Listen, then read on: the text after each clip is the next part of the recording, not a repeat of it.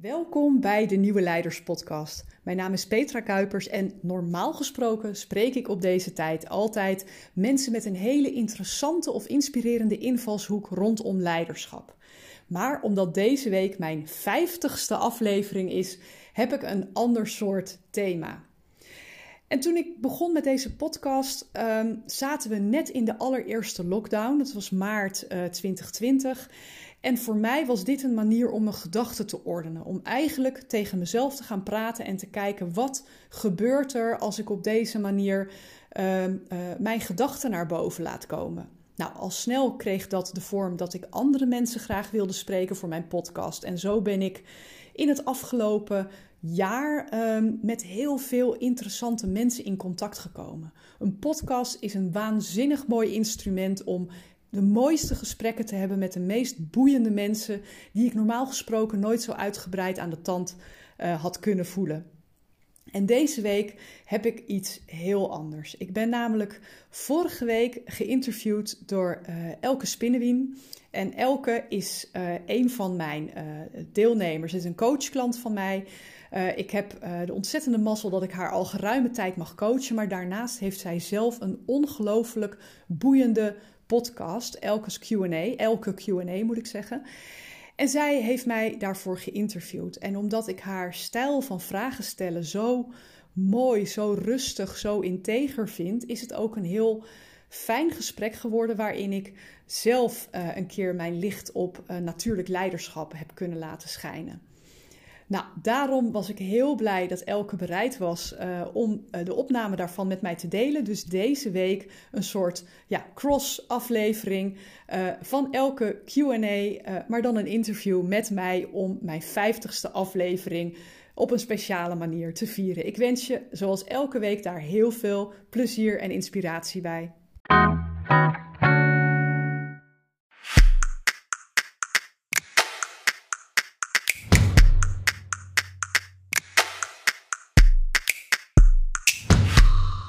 Welkom bij de Elke Q&A-podcast. Vandaag zoom ik in met Petra Kuipers op de vraag wat is natuurlijk leiderschap? Petra, welkom in mijn virtuele podcaststudio. Ik ben heel blij om jou hier vandaag uh, te hebben. Misschien voor de luisteraars, uh, kan jij jouzelf even voorstellen? Ja, dankjewel voor de, voor de uitnodiging. Heel leuk om uh, hier te gast te zijn. mijn naam is dus Petra Kuipers. Ik ben gespecialiseerd in moeiteloos projecten leiden, zoals ik uh, dat vaak zeg. projectleiderschap. Uh, maar dan met de nadruk op de menselijke kant van projecten leiden. Omdat ik denk dat daarmee projecten heel mooi kunnen worden, maar soms ook heel moeizaam blijken te zijn. Mooi. En dat was inderdaad ook voor de luisteraars misschien uh, wat achtergrondinformatie dat was ook het punt um, waardoor ik ook bij jou ben terechtgekomen. Dus uh, Petra is al een hele tijd mijn uh, persoonlijke coach en mentor op het vlak van projectleiderschap. En net ook dat punt van uh, menselijke kant van projecten leiden vond ik super interessant. Um, ik ben even benieuwd, Petra, wat was voor jou eigenlijk het, het punt of het moment in, jou, in jouw leven, in jouw carrière, dat jij dacht van, ik wil echt iets gaan doen met die menselijke kant van projecten leiden? Nou, daar, daar was een wat minder leuke aanleiding voor. Uh, toen ik een jaar of vijf zelf uh, bezig was met projecten leiden, toen uh, kwam ik zelf tot een, een, een, beetje een bittere conclusie, namelijk dat alle projecten precies hetzelfde waren. En niet ehm, qua onderwerp, qua resultaat, qua opdrachtgever, maar ik had overal te maken met weerstand. Ik had overal te maken met branden blussen, met uh, een gebrek aan besluiten nemen. Of als er besluiten werden genomen, dat het hele rare besluiten waren waar ik eigenlijk niet zoveel mee kon. Uh, mijn to-do-lijstje was aan het eind van de dag altijd langer dan hoe ik begon. Uh, en ik had daar heel veel last van. Dus ik begon um, stijlen te hanteren die helemaal niet zo goed bij mij pasten. Ik begon steeds zakelijker te worden, heel strak in de leer, heel uh, directief. Ehm, en ik had daar stress van, uh, tot op dat niveau dat op een dag bij mij letterlijk het licht uitging. Ik uh, stond op het punt om naar mijn werk te gaan en op het moment dat ik uh, mijn schoenen aandoe, wordt het zwart voor mijn ogen. Um, en toen ik later bijkwam, was mijn werk al gebeld van, jullie hoeven voorlopig niet meer op er te rekenen. En in die tijd zat ik ziek thuis, opgebrand, omdat ik allerlei stijlen had gehanteerd, allerlei dingen had geprobeerd die eigenlijk helemaal niet bij mij pasten. En ik kwam toen tot de conclusie, um, ik vind projecten echt nog steeds het allerleukste wat er is. Mensen meenemen in veranderingen, het bouwen aan een, aan een team en met elkaar een resultaat boeken, is het allermooiste wat er is. Maar er moet toch een manier zijn om resultaten te boeken zonder daar zelf aan op te branden. En toen ben ik alles gaan lezen en leren wat er los en vast zat over die menselijke kant. Want ik merkte al snel dat dat was waar mijn stress zat. En dat kwam eigenlijk maar heel beperkt aan bod in uh, alle traditionele, tussen aanhalingstekens, uh, uh, trainingen die ik tot dat moment had gedaan. Dus ik ben echt gaan shoppen. Ik ben in de psychologie gedoken, groepsdynamica, marketing zitten hele interessante aanknopingspunten in, ehm, systeemleer. En daar heb ik van alles geleerd over hoe kan ik nu projecten leuk maken voor iedereen die erbij betrokken is, inclusief ikzelf als projectleider. Maar hoe maak ik het ook effectief om mensen mee te krijgen in een verandering? Ook als die verandering voor hun niet per se positief uitpakt. En, en daar komt eigenlijk uh, uh, mijn, mijn specialisatie vandaan. Mooi. En uh, je hebt ook een boek geschreven met als titel Het boomhutgevoel, wat ik persoonlijk wel ja, een zeer ehm, aantrekkelijke titel vind. Want natuurlijk, als je dat hoort of leest, uh, dan denk ik spontaan terug aan, uh, aan mijn jeugd, waar dat je echt uh, als kind, als tiener, buiten aan het ravotten was. Um, kan jij even voor jou verklaren waarom dat net die titel, het boomhutgevoel, voor jou zo het, het, het beeld was dat je, dat je wou gebruiken? Ja. Nou ja, een van de dingen die ik me bedacht toen die periode dat ik ziek thuis zat, was hoe kan het nou zo zijn dat we als kind met elk project dat we deden, en bij mij schoot het, ja, het bouwen van een boomhut als eerste te binnen, want dat was wat ik elke zomer deed met, uh, met mijn neven en nog kinderen uit de buurt. Uh, hoe kan het dat we toen uit ons bed sprongen, stonden te popelen om aan de slag te gaan, s'avonds echt door onze ouders aan ons haar naar binnen getrokken werden, omdat we zo ontzettend druk bezig waren. En uh, die energie, die creativiteit, die bevlogenheid, die we toen hadden bij iets wat alle kenmerken heeft van een project, dat, dat raken we kwijt in de loop van ons leven. En ik vroeg me af hoe het nu kan dat als je als volwassene aan het werk bent en er wordt weer een nieuw project aangekondigd, dat je eerder een soort diepe zucht hoort van iedereen die ervan hoort, dan het juichende van, oh ja, we gaan aan de slag. En die verwondering heeft er bij mij toe geleid dat ik ben gaan zoeken van hoe kunnen we nu een volwassen versie van, dat, ja, van die energie terugbrengen? Hoe kunnen we een stukje volwassen boomhutgevoel terugbrengen in de manier waarop we projecten aanpakken? Ja, klopt, want dat doet mij ook denken. In ons privéleven uh, doen we nog altijd ook allerlei projecten. We organiseren een reis, of we bouwen een huis, of uh, we doen dingen met onze kinderen. En daar hebben we meestal wel de energie om ervoor te gaan, om alles te organiseren, alles te regelen. In de context van organisaties is dat dan soms anders. Wat maakt dat dat dan eigenlijk moeilijker is in die organisaties om daar eigenlijk ja, dat boomhutgevoel, dat meer um, spontane gevoel van een project uh, te doen? Wat maakt dat dan zo moeilijk in die context van organisaties volgens jou? Nou, wat, wat mijn, mijn eigen verbazing was toen ik terugkeek naar die tijd, was dat ik op de drempel van mijn werk bijna van gedaante veranderde. Dan mhm. veranderde ik van een privépersoon in een professional. En ik denk dat heel veel mensen dat tot op zekere hoogte wel herkennen. Dat we op het werk een veel serieuzer persona aannemen dan dat we in onze privé-sfeer uh, zijn. En Natuurlijk zitten er ook, we hebben meer verantwoordelijkheden. Uh, we worden beoordeeld. Dat werd je als kind ook niet hè, op je boom. Mhm. uh, we hebben een baas tevreden te houden. We hebben een, een evaluatiecyclus waar we deel van uitmaken. Er speelt altijd wat organisatiepolitiek op de achtergrond. Dus er zijn allerlei factoren die bijdragen dat we het bijna als een ander, uh, als een parallel universum zien aan die speelse energie die we hebben in onze, in onze privélevens. En ik heb gemerkt dat op het moment dat je daar, uh, dat je dat even naast je neerlegt en je kijkt hoe kunnen we dit nu met elkaar inspirerend en creatief en leuk en veilig maken, dan trek je een, een bak energie open die ervoor zorgt dat je een heel ander soort project krijgt. En dat mensen ook graag bij, bij die beweging willen horen. Dus je maakt als het ware van je project dan bijna een kleine community waarin je op een andere manier, op een nieuwe manier werkt. Soms ook met wat nieuwe werkvormen, met wat nieuwe uh, gekke ideeën die je implementeert.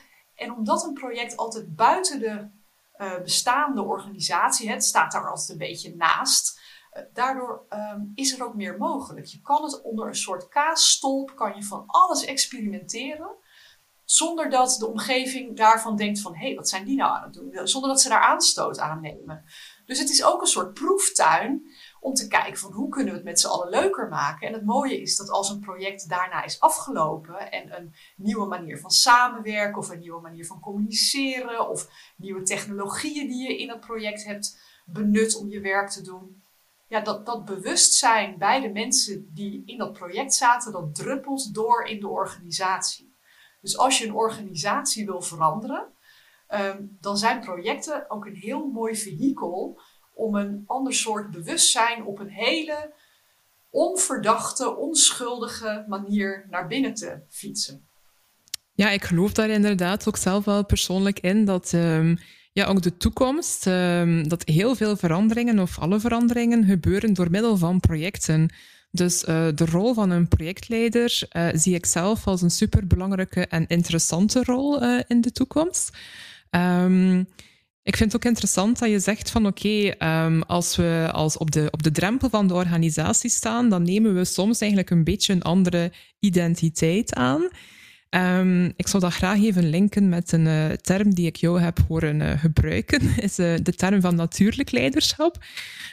want dat betekent volgens mij dan meer dat je echt als, allee, als uzelf kunt verschijnen in de organisatie dat je meer, dat je inderdaad niet vanuit die andere gedaante gaat handelen of gaan verschijnen. Wat betekent dat voor jou dan natuurlijk leiderschap? Voor mij zitten aan natuurlijk leiderschap een paar kanten. En één kant is inderdaad dat je als mens een totaalpakketje bent waarin talenten zitten en waarin uh, competenties zitten, maar ook allergieën en ook uh, dingen waar je wat minder goed in bent. Hm. En uh, helemaal accepteren dat jij meer bent dan alleen maar die paar punten die in, jou, in jouw functieomschrijving staan opgenoemd, dat maakt dat je al meer natuurlijk op je werk kan komen. En een ander aspect wat voor mij heel belangrijk is, is dat we nou ja, in het afgelopen jaar hebben kunnen merken dat alles wat wij voorspellen, plannen, controleren, in een template gieten, in een, uh, nou ja, in, in, in een of ander format proberen te regelen, in een poging om de toekomst zo voorspelbaar mogelijk te maken, dat hebben we allemaal terzijde moeten schuiven. Want wij zijn als mens en als organisaties, wij zijn ook natuur. En wij hebben te maken met cycli, met onverwachte zaken. En uh, het feit dat wij uh, nou ja, nu toch een beetje uh, overvallen zijn door het gebrek aan, aan maakbaarheid en van controle over waar we nu in zitten, maakt voor mij dat er een ander soort bewustzijn loskomt over leiderschap. En er zijn heel veel professionals in organisaties die nu ook voelen van er, mag iets nieuws ontstaan. Het traditionele top-down leiderschap, waar het vooral ging over bevoegdheden, over um, um, uh, nou ja, taken, verantwoordelijkheden, dat soort dingen. Dat mag wat losser. En we hebben met elkaar vormen we één systeem wat werkt aan een bepaald resultaat. En dat betekent ook um, dat we niet continu kunnen voorspellen wat, wat we over vijf stappen gaan doen. Wij, wij, kunnen nu kijken welke richting we opgaan. We weten de eerste twee stappen kunnen we al goed omschrijven. Maar het is als een soort wandeling in de mist. Als wij, uh, we weten dat we naar de vuurtoren uh, toe willen lopen, we weten dat het eerste stukje van de weg, dat, dat is een, een, pad wat recht vooruit gaat. Maar of er daarna een bocht in komt en of we een rivier moeten oversteken of dat we over een berg moeten klimmen, dat kunnen we op dit moment nog niet voorzien. En het natuurlijk leiderschap gaat erover dat we wat, ja, wat, wat comfortabeler worden met het verdragen van die onzekerheid. Dat we weten van elke stap die we zetten, dient zich nieuwe informatie aan. En met die nieuwe informatie gaan we kijken, zijn we nog steeds op weg naar die vuurtoren? En wat hebben we te overbruggen om daar echt aan te komen?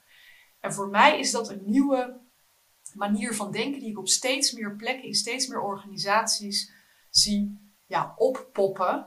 Uh, niet om de planningen overboord te gooien of om te zeggen van nou we gaan alles voortaan zonder planning of uit een losse pols en zonder plannen te doen, maar meer als een manier om de onzekerheid te leren verdragen. Want daar gaat het om. Wij zijn niet goed in onzekerheid. Nee. nee. We willen inderdaad alles, uh, de touwtjes in handen houden, alles heel uh, strak onder controle houden, maar uh, zoals dat je zelf aangeeft, in deze complexe wereld is dat helemaal niet mogelijk.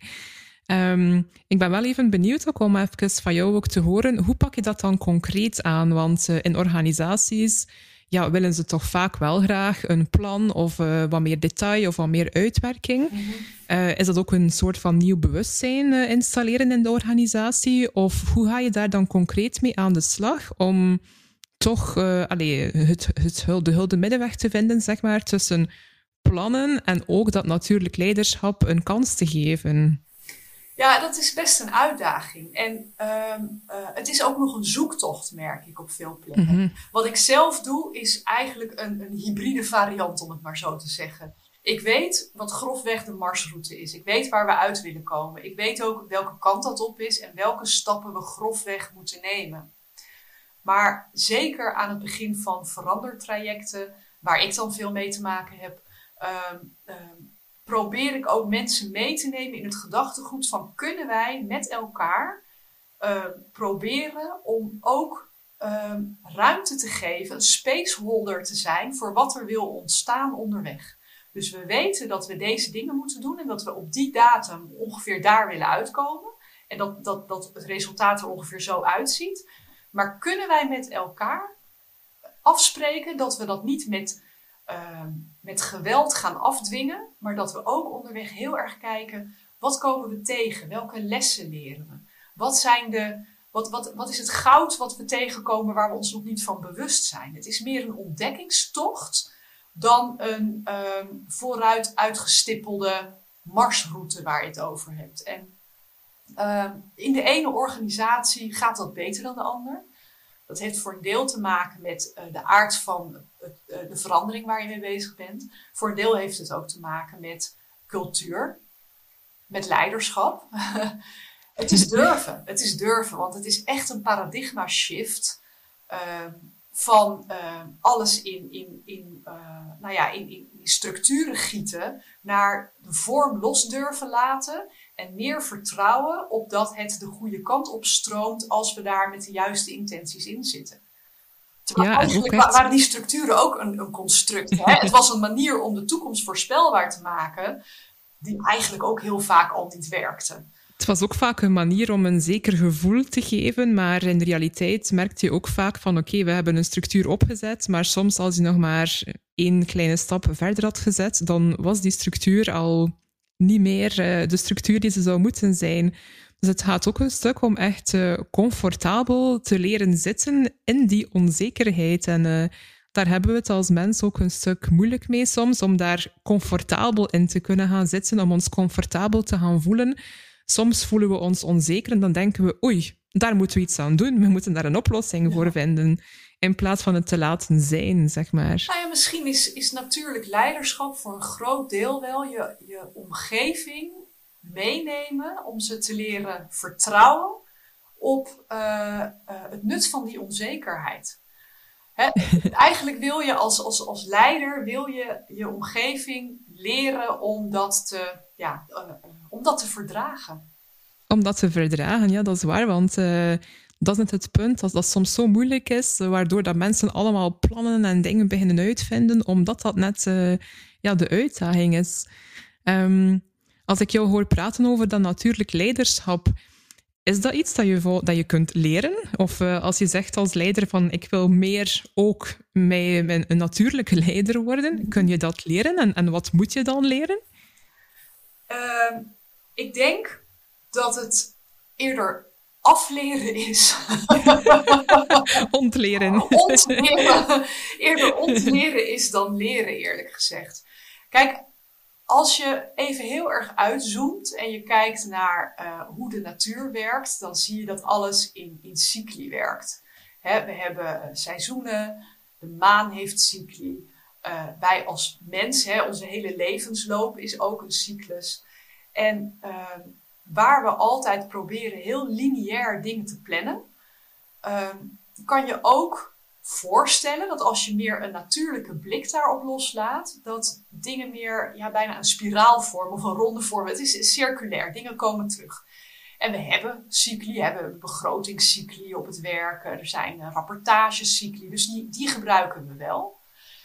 En ik denk dat waar wij meer het natuurlijk leiderschap in mogen ontwikkelen, is het, ja, wat ik altijd noem, en dat klinkt wat spiritueel, maar het verbinden van je hoofd, je hart en je buik. Want nu doen we het vooral met ons hoofd. En dat is logisch, want uh, hè, onze intelligentie heeft ons heel ver gebracht. Um, maar waar we aan voorbij gaan, is de informatie die we in onze andere hersengebieden hebben. Je hebt ook harthersenen en buikhersenen. En die ons ook informatie heel, geven. Heel belangrijke informatie, waar die we soms negeren, hè, of heel vaak negeren. Uh, ja, maar um, ik merk zelf ook. Uh, ja, iedereen die eens heeft gedacht van, oh, ik dacht al dat het die kant op zou gaan. Die heeft dat. Die weet dat hij dat Die heeft dat gevoeld. maar hoe gaat dat bij jou dan? Merk jij dat ook? Dat je dat meer begint te herkennen? Dat is inderdaad, allee, dat is je buikgevoel. Soms voel je uh, in gesprekken of in, in, zaken die gebeuren in organisaties, voel je inderdaad van uh, er klopt iets niet of het gaat de verkeerde kant op. Of, en dan is het ook de kunst om echt ook um, om dat gevoel, om daarnaar te luisteren, daar iets mee te doen. Want vaak voelen we dat wel.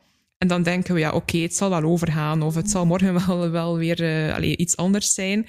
Maar net dat gevoel om daarnaar te luisteren en daarop te vertrouwen op wat uw intuïtie u eigenlijk zegt en dat ook op tafel te durven brengen, vind ik zelf een superbelangrijke. Ja. En uh, dat is niet zo gemakkelijk, maar um, ja, dat is ook even gezegd, uh, ook stilstaan bij dat gevoel, dat gevoel erkennen, benoemen en er ook iets mee doen. Ja.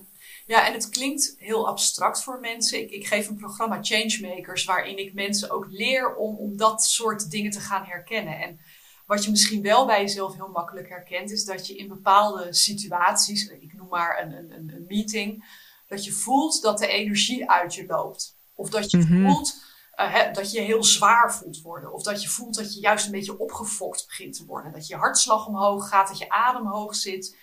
Dat is informatie. Dat gaat niet over jou, dat gaat over iets wat er in de interactie gebeurt. En het is heel interessant om te leren van wat, wat betekent dat nu precies? Wat gebeurt hier nu precies?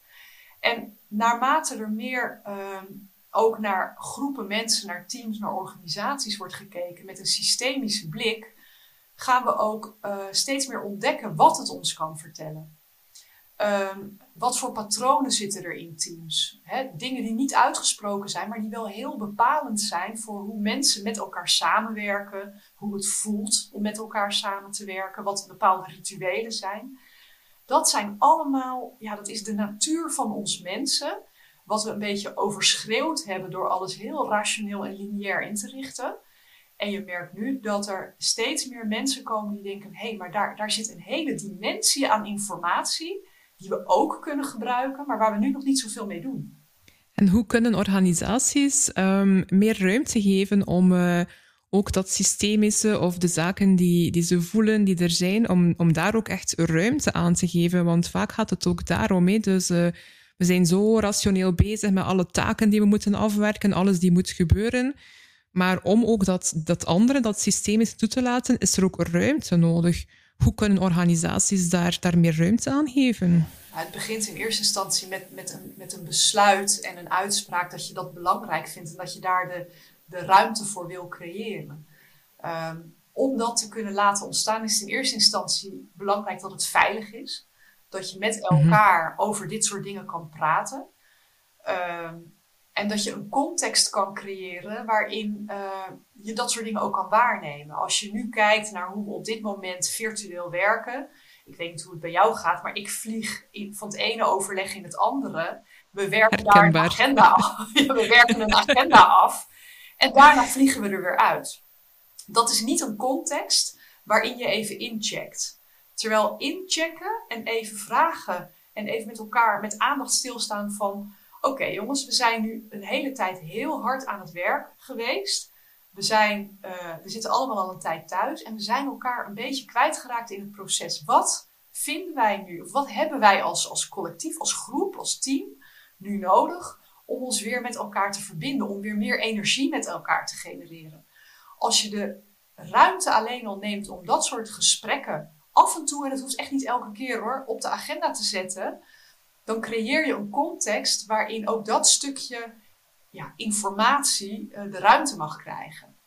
En dat is een hele andere manier van werken, want dat voelt als, oh ja, dat gaat ook weer tijd kosten en we hebben, al, we hebben het al zo druk. Terwijl dit is eigenlijk vertragen om vervolgens te kunnen versnellen. Als je hier aandacht aan besteedt en je kijkt met elkaar van oké, het loopt al een tijdje niet zo lekker. En ik merk na elk overleg dat we allemaal hartstikke moe zijn. Wat gebeurt hier nu? Wat kunnen wij nu anders doen? Wat, voelt iedereen? En hoe kunnen we het nu zo maken dat we aan het eind met een uh, nog redelijk gevulde batterij weer verder kunnen met onze volgende taken? Dan ben je iets aan het doen met het groepsbewustzijn, waardoor je uh, op volgende momenten de energie hebt om, om, om weer meters te gaan maken. En nu zijn we alleen maar die, die batterij leeg aan het trekken.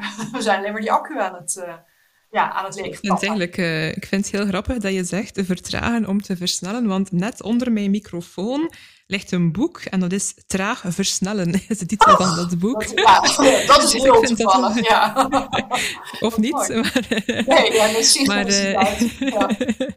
maar inderdaad, uh, allez, eens, eens, op de pauzeknop drukken en ook tijd nemen hiervoor is ook in de toekomst, als we straks overgaan naar een hybride werkvorm van eh, online werken en fysiek werken, waarbij dan niet iedereen nog altijd samen in het kantoor zal zitten, mm dat lijkt mij een, een, een topprioriteit om op de agenda te zetten in, in organisaties, in teams, in projectteams, om echt ja, goed met elkaar te kunnen blijven samenwerken. Ja. Hoe, hoe zie jij dat naar de toekomst toe? Nou, ik, ik, zie ons niet meer massaal uh, in files stappen s ochtends. Allemaal naar kantoor in de file. Dan daar van, van half negen tot vijf of hoe lang dan ook zitten. En dan weer in de file terug. Ik denk niet dat dat nog gaat gebeuren. Ik denk hooguit inderdaad in shifts of hybride en dat soort dingen. Dat, dat vermoed ik. Ik denk ook dat de afgelopen periode bij heel veel mensen een, vergrootglas heeft gelegd over wat ze missen in het contact met, met de organisatie, met collega's, maar ook wat ze niet langer willen tolereren in hun leven. Ik denk dat er ook dingen zijn en, en uh, dat, die we nu onder ogen eh, komen van dit werkte eigenlijk al een tijdje niet meer. en daar mogen maar we durfden het niet benoemen of uh, ja. we lieten het gewoon zo zijn. Dat.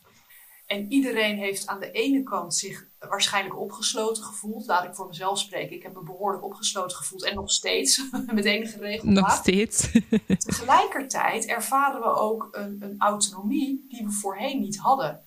Als wij met z'n allen uit die file in het kantoor kwamen en ons aan de lunchpauzes hielden en dat soort dingen. Ik mag nu mijn eigen koffie drinken. Ik mag uit mijn eigen koelkast eten er, er, er ontstaat ook een soort van empowerment vanuit de autonomie die we ervaren. Dus het bewustzijn van mensen is echt heel erg aan het veranderen. En ik denk dat die ervaren autonomie aan de ene kant, met aan de andere kant het gemis aan verbinding, dat is een hele rare paradox is dat.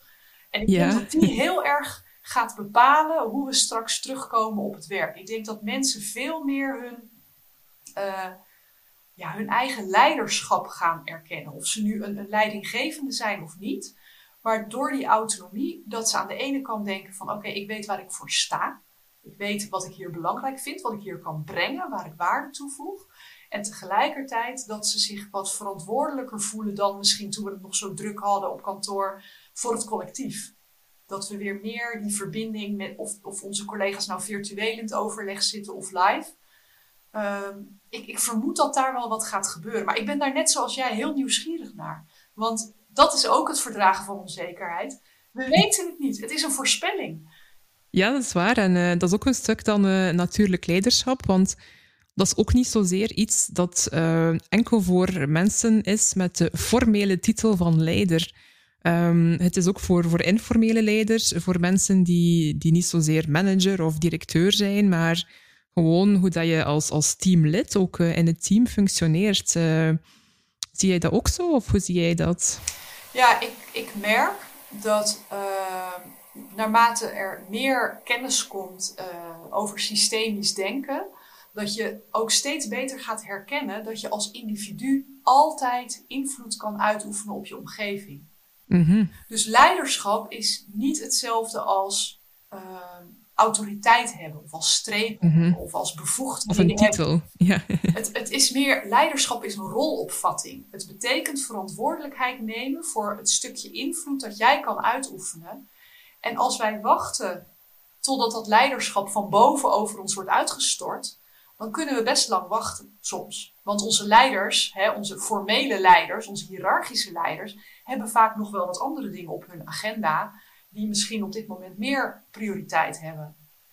Maar je kan op dit moment ook je eigen leiderschap oppakken en het leiderschap gaan laten zien wat jij graag zou willen ontvangen. Niemand kan, kan, dat, kan jou daarin belemmeren. Je kan het altijd, op elk moment kan jij dat doen. Dus als je het gevoel hebt van onze leiders hebben niet genoeg aandacht voor ons, ja, ga dan aandacht besteden aan je collega's. geef complimenten, vraag hoe het met ze gaat, heb oprechte interesse, ga luisteren. Als jij begint, dan zet je de beweging al in werking. En uh, dat stukje, ja, daarvan denk ik, dat, dat is wel een kant uh, waarvan ik hoop, laat ik het zo zeggen, uh, dat we daarop gaan. En ik zie dat ook wel op bescheiden schaal al een beetje gebeuren. Ja, dat is mooi. En ook daarvoor is ook die, die, die veiligheid ook wel nodig, dat mensen dat ook uh, durven gaan doen. Maar het is ook mooi dat je als individu allee, verantwoordelijkheid opneemt uh, voor jezelf. En dat je ook op die manier een, een beweging in gang kunt zetten. Ook al is die beweging misschien in eerste instantie nog niet iets gigantisch groot, maar het is een, een start en dat kan later tot een, tot een groter effect uh, leiden. En uh, allee, daar bewust van zijn vind ik wel zelf ook een, uh, een superbelangrijke. Ja, ja, je zet echt een ripple effect in werking. Want... Ja, een ripple effect, dat was het woord ja. dat ik wou gebruiken. Mooi Nederlands, ja, ripple effect.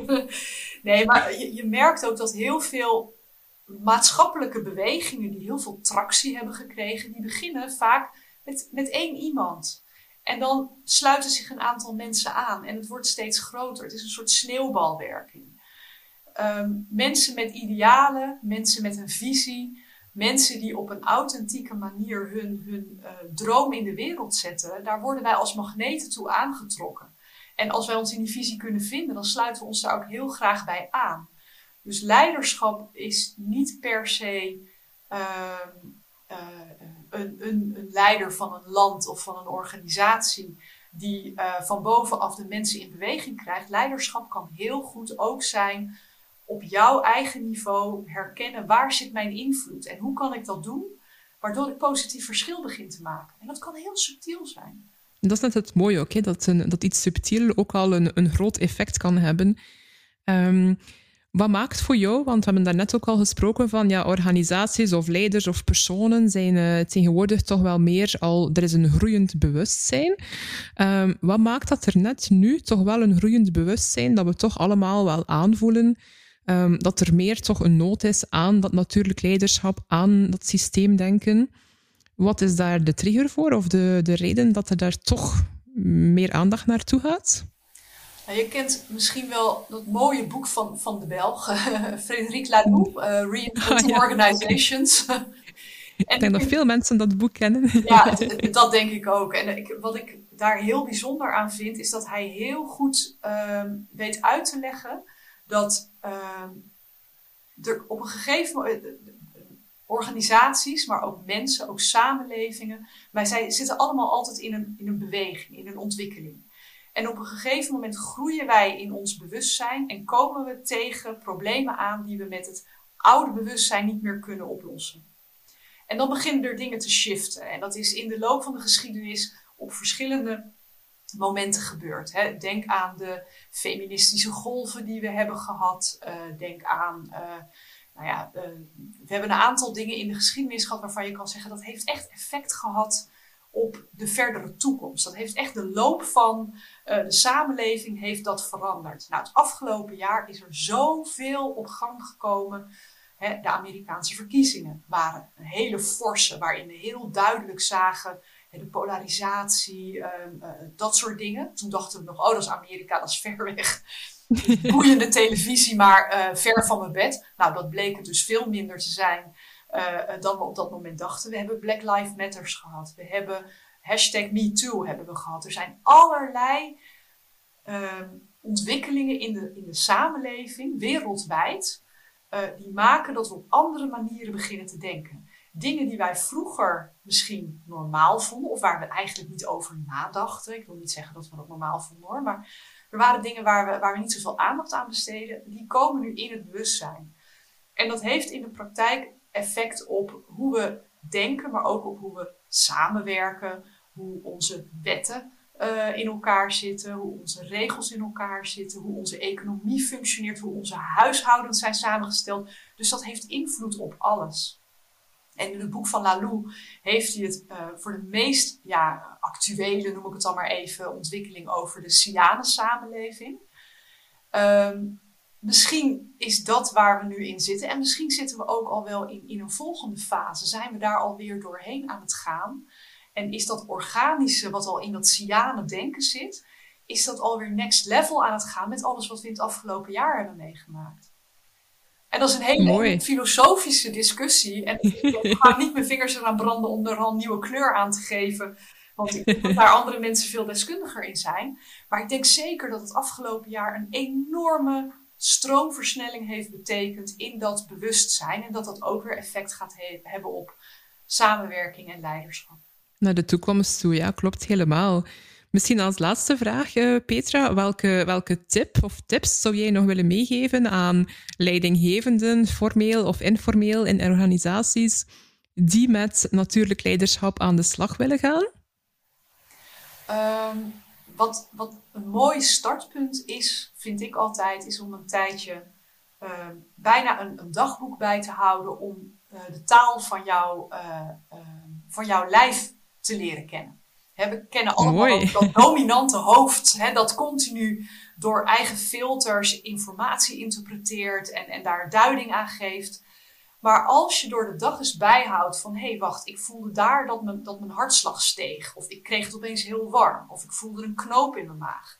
Als je dat alleen maar bijhoudt zonder daar meteen een, een verhaal achter te maken, dan ga je merken welke vocabulaire jouw lichaam heeft. En ieders lichaam heeft een andere vocabulaire. En als je daar eenmaal patronen in gaat zien, kan je dat ook gaan vertalen naar hé, hey, daar voelde ik um, uh, dat er iets niet uitgesproken werd. ik krijg altijd een knoop in mijn maag als er iets niet uitgesproken wordt. Of als um, uh, net voordat er ergens een, een, een, conflict dreigt te ontstaan, merk ik dat ik begin te zweten. Ik noem maar iets. Dus dat is een heel mooi beginpunt altijd om te kijken van hoe kan ik bij die andere informatie komen die er ook is maar, en waar ik biologisch voor geëquipeerd ben om dat op te pakken, maar waar ik eigenlijk tot nu toe nog niet zoveel mee doe. Super interessant, want uh, ik had er zelf nog niet aan gedacht om daar een dagboek van bij te houden, maar uh, dat lijkt mij wel uh, een heel goede manier om zo echt die signalen te leren herkennen in de eerste plaats. Hè, want daar gaat het uiteindelijk om, hè, om die echt ja, te leren herkennen en ook te erkennen in een, in een volgende stap dan. Ja, het is bijna een weggetje aanleggen. Hè. We, we, zitten nu, wonen we nog heel erg in ons hoofd. Maar als je een weggetje wil aanleggen naar je hart en je buik, dan begint het met het herkennen van, ja, maar hoe voelt dat daar eigenlijk? Wat gebeurt daar eigenlijk allemaal onder, uh, onder mijn kin? supermooi, supermooi. Bedankt Petra voor dit interessante gesprek. Voor de luisteraars, als zij met jou willen uh, connecteren online, waar kunnen zij jou het gemakkelijkste vinden? op mijn website is altijd een goede ingang. Dat is deimplementatiedokter.nl. En nou ja, op social media ben ik ook als implementatiedokter actief. Dus dat zou ook nog mooi kunnen zijn. LinkedIn, dat soort dingen. Dus alle social media, behalve Twitter, ben ik te vinden. Oké, dankjewel Petra. Jij dankjewel. Dag. Dag.